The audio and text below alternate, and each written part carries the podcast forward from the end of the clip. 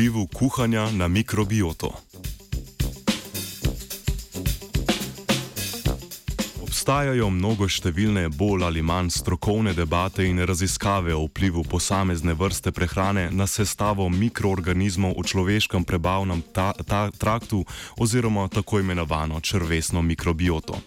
Kljub temu pa še vedno ostaja relativno nepoznan vpliv kuhanja in kuhane hrane na sestavo mikrobiote. Zadevo so v obširni raziskavi sklenili pobliže spoznati raziskovalci in raziskovalke iz različnih raziskovalnih institucij v Združenih državah Amerike, ki so svoja dognanja opisali v zadnji izdaji revije Nature Microbiology.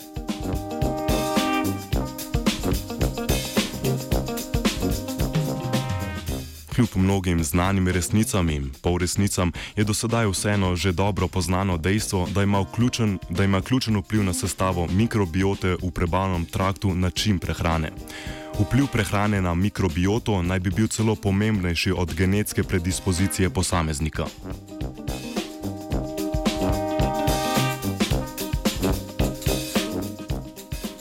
Na kvaliteto in prebavljivost prehrane pa nima pomembnega vpliva le vrsta hrane, ki jo človek zaužije, ampak tudi način obdelave hrane. Veliko k temu primore tudi določen človeštvu precej samoumeven način toplotne obdelave hrane.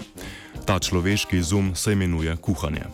Kuhanje namreč spremeni fizikalno-kemijsko sestavo posameznega živila, poveča razgradljivost posameznih snovi in uniči naravno prisotne protimikrobne snovi v hrani.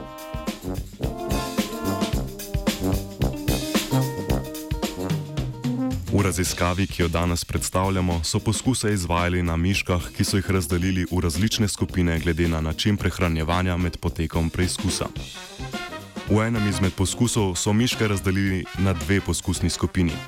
V obeh skupinah so poskusne miši hranili sladkim krompirjem.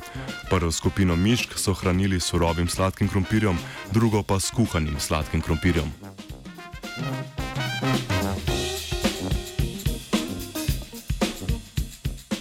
Miši, ki so se hranile surovo hrano, so iz hrane pridobile manj energije in izgubile več telesne maše, mase od miši, ki so jih hranili s kuhano hrano. V mikrobioti miši, hranjenih surovo rastlinsko hrano, so zaznali povečano izražanje mikrobnih genov, ki omogočajo razgradnjo škroba in sladkorjev. Opazili so tudi povečano izražanje genov za razgradnjo ksenobiotikov.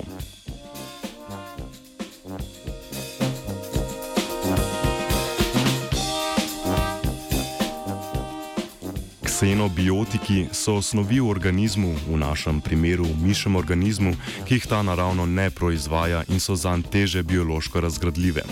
Ksenobiotikov tudi ne morejo razgrajevati vse vrste bakterij, zato prisotnost določenih ksenobiotikov lahko vpliva na sestavo mikrobiote.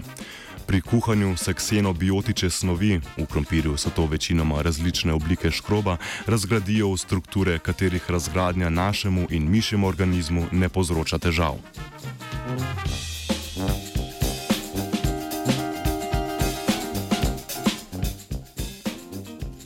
Raziskava na mišem modelu med drugim nakazuje, da se je najverjetneje tudi mikrobiota človeškega prebavnega trakta na kuhano hrano prilagajala sočasno s človekom.